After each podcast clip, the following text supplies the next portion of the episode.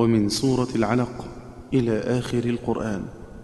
وعن قنبل قصرا روى ابن مجاهد. رآه ولم يأخذ به متعملا. ومطلع كسر لام رحب وحرفي برية فهم ساهلا متأهلا. وتاتروا النظم في الأولى كما رسى وجمع بالتشديد شفيه كملا. وصحبة الضمين في عمد وعون. في باليا غير شاميهم تلا. وإيل في كل وهو في الخط ساقط. وليدن قل في الكافرين تحصلا. وها أبي لهب بالإسكان دون وحملة المرفوع بالنصب نزلا.